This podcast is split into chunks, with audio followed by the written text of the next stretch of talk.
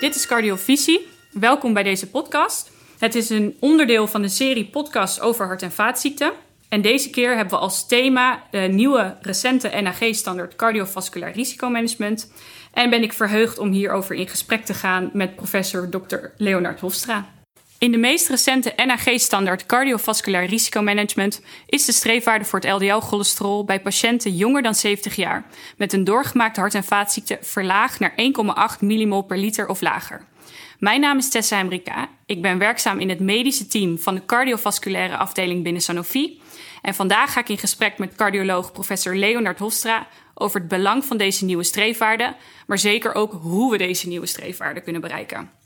Nou, laten we beginnen even met, uh, ja, met iets over jezelf te vertellen. Ja, ik ben Leonard Hofstra, ik ben cardioloog. Uh, ik ben verbonden aan het uh, Amsterdam UMC als hoogleraar cardiologie.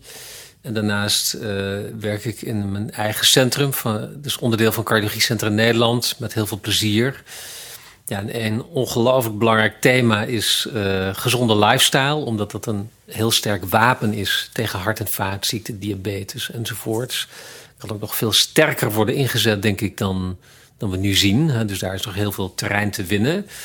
Ja, dus dat is, wel, dat is ook in mijn research eigenlijk een soort centraal thema. Hè? Dus mensen verleiden of aanzetten tot gezondere lifestyle. Oké, okay. ja.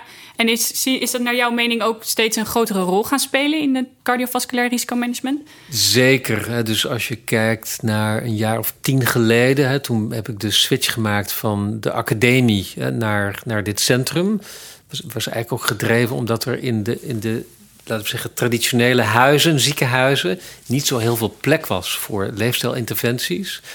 En hier in Utrecht, uh, ja, het centrum was, bestond al, maar heb ik, heb ik echt uh, ja, goed kunnen vormgeven. En wat het voordeel hier is, is dat je heel dicht op het veld staat, dus heel dicht bij de huisarts. Uh, waar je samen dan programma's mee kunt doen. Heel dicht bij de patiënt. We zien heel veel patiënten. Het volume is hoog. Dus ja, ik heb mijn passie hier helemaal kunnen vormgeven. En dat ja, daar ben ik nog steeds heel, heel blij om. Ja. Nou, ik zei het net inderdaad al even in de introductie. Hè. De streefwaarde van 2,6 is nu eigenlijk verder verlaagd naar 1,8. Um, nou, als we nog even bij de basis beginnen, want kun je nog even kort vertellen wat nou de rol is van LDL, cholesterol of cholesterol bij het ontstaan van hart- en vaatziekten? Ja, dat is een van de belangrijkste risicofactoren op het krijgen van hart- en vaatziekten. Het is niet de enige risicofactoren. Kijk, als je naar Interheart-studie kijkt van Salim Youssouf, dan zie je dat, dat roken en stress en te weinig bewegen, te weinig fruit en alcohol spelen natuurlijk ook een rol. Maar de dominante uh, impact is toch uh, een slecht dieet. Hè? Dus slechte voeding. Wat dan leidt tot een ongunstige verhouding tussen slechte cholesteroldeeltjes en goede cholesteroldeeltjes. En dat bepaalt een heel groot deel van, van de kans op het krijgen van een hartinfarct. En LDL-cholesterol is een van de belangrijkste slechte cholesteroldeeltjes. Ja, ik noem het slecht, dus een beetje simplistisch, want je hebt wel een bepaald niveau van LDL-cholesterol nodig. Maar als dat te hoog wordt, dan wordt het een gevaar voor ons. Dus dan kan het leiden tot dichtslibbing. Ja, ja. dat is best wel lang bekend al, denk ik. Maar mm -hmm. hè, we zien dat die waarde nu nog verder verlaagd is. Mm -hmm. Wat is de reden daarvoor? De reden daarvoor is dat ja, uit, uit elke studie die daarover gaat, blijkt dat hoe lager je zit met je LDL-cholesterol, hoe beter de uitkomsten zijn. En dus dat, dat, dat is in, in één zin. Kijk, als je het wat groter trekt en kijkt naar um, ja, volkeren en, en, andere diersoorten, noem ik het maar eventjes. Die hebben allemaal een veel lager totaal cholesterol en LDL-cholesterol dan wij hebben. En ook toen wij geboren werden, hadden we ook een best wel laag LDL-cholesterol. Veel lager dan nu nog in die guideline staat. Want het argument van mensen is vaak: ja, je hebt toch een beetje cholesterol nodig voor de aanmaak van celwanden. Want daar zit heel veel cholesterol in. Dus cholesterol mag niet te laag worden. Maar juist de kleine baby, als die is geboren, moet heel veel nieuwe cellen en gezonde cellen aanmaken. Maar die kan dat doen met een best wel laag LDL-cholesterol. Ja. Veel lager nog dan die guideline. Dus je hebt niet zo heel veel LDL-cholesterol nodig om heel gezond te zijn. Nee, nee. En uit studies hè, met, met medicamenten is gebleken dat als je toch lager gaat zitten dan die 2,6, nou, dat je nog een, eh, een voordeel hebt op het risico. Of ja, dat je nog heel veel winst hebt eigenlijk. Ja. ja. Kan je iets meer vertellen? Hoeveel winst hebben we het dan over?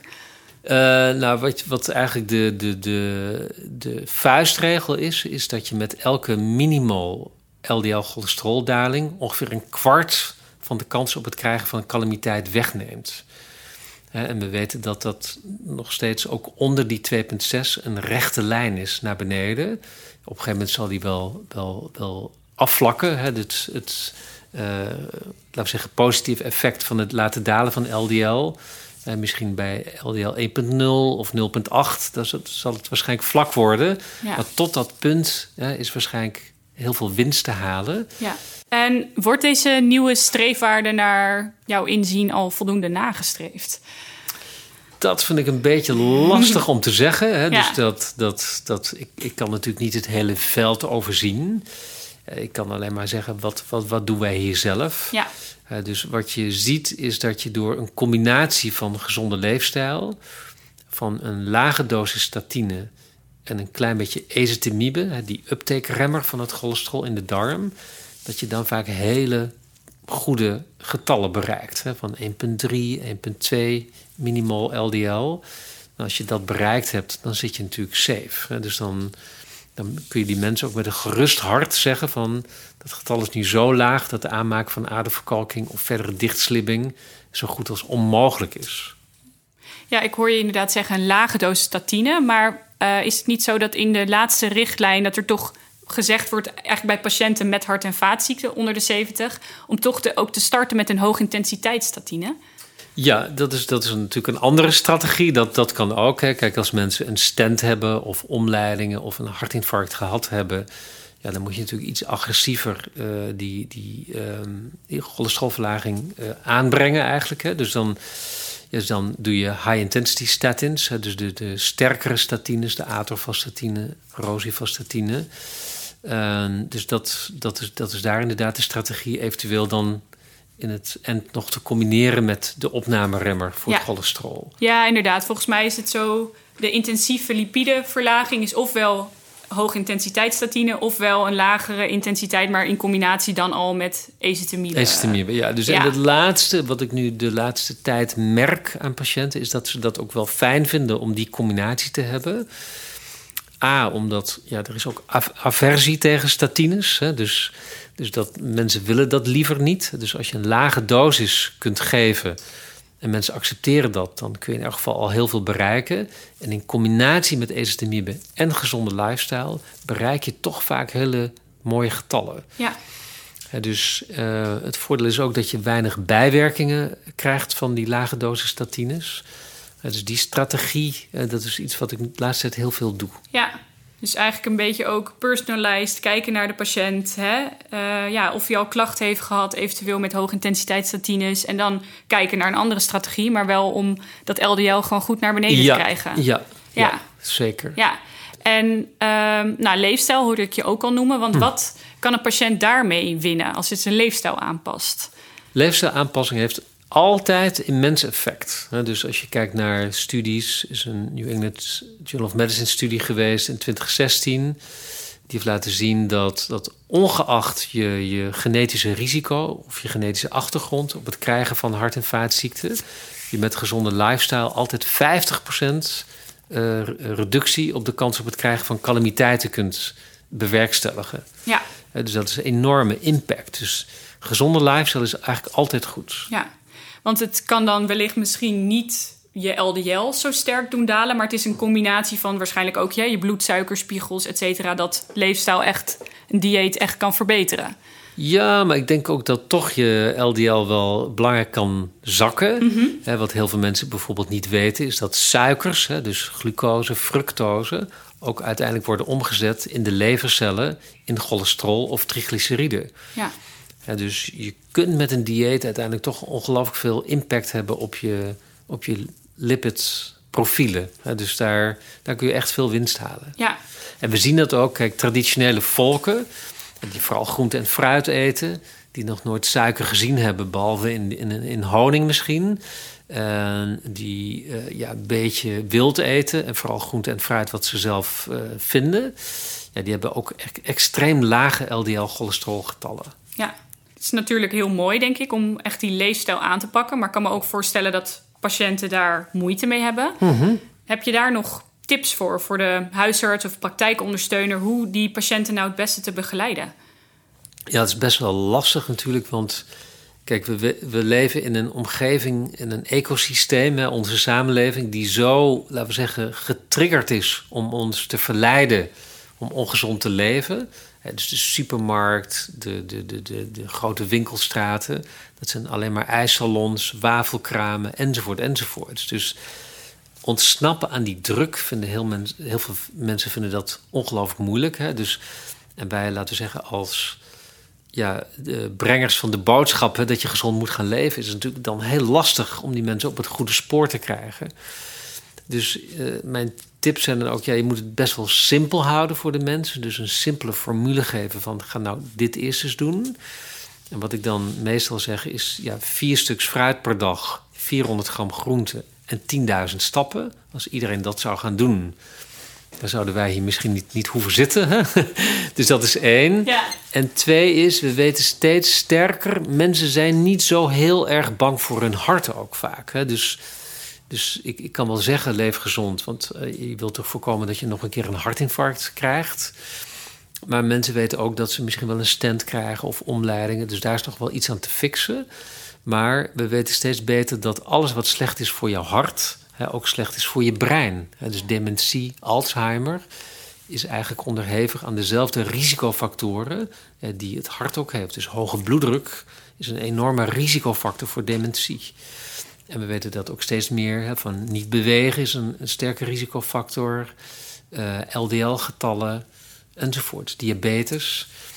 dus alles wat slecht is voor je hart is ook slecht voor je brein. En mensen weten wel dat dementie, dat je daar niks aan kunt doen. Ja. Dus, dus da daar zijn ze ongelooflijk bang voor. Dus die koppeling maken tussen hart en brein. Daar heb ik ook samen met Erik Scherder een prachtig boek over geschreven. Ja, die koppeling maken, die, dat maakt mensen, geeft mensen een enorme trigger en inspiratie om die, die leefstijl toch op te pakken. Ja. Want niemand wil dement worden. Ja. Dus dat, dat, dat zijn eigenlijk de, ja, de, Dat, dat maakt een impact. de bij tricks noem ik het eventjes, hè, maar dat, dat is natuurlijk iets meer dan dat. Maar de strategieën hè, om mensen te inspireren tot een gezonde lifestyle. Ja, dus het dieet eigenlijk simpel houden. Mhm.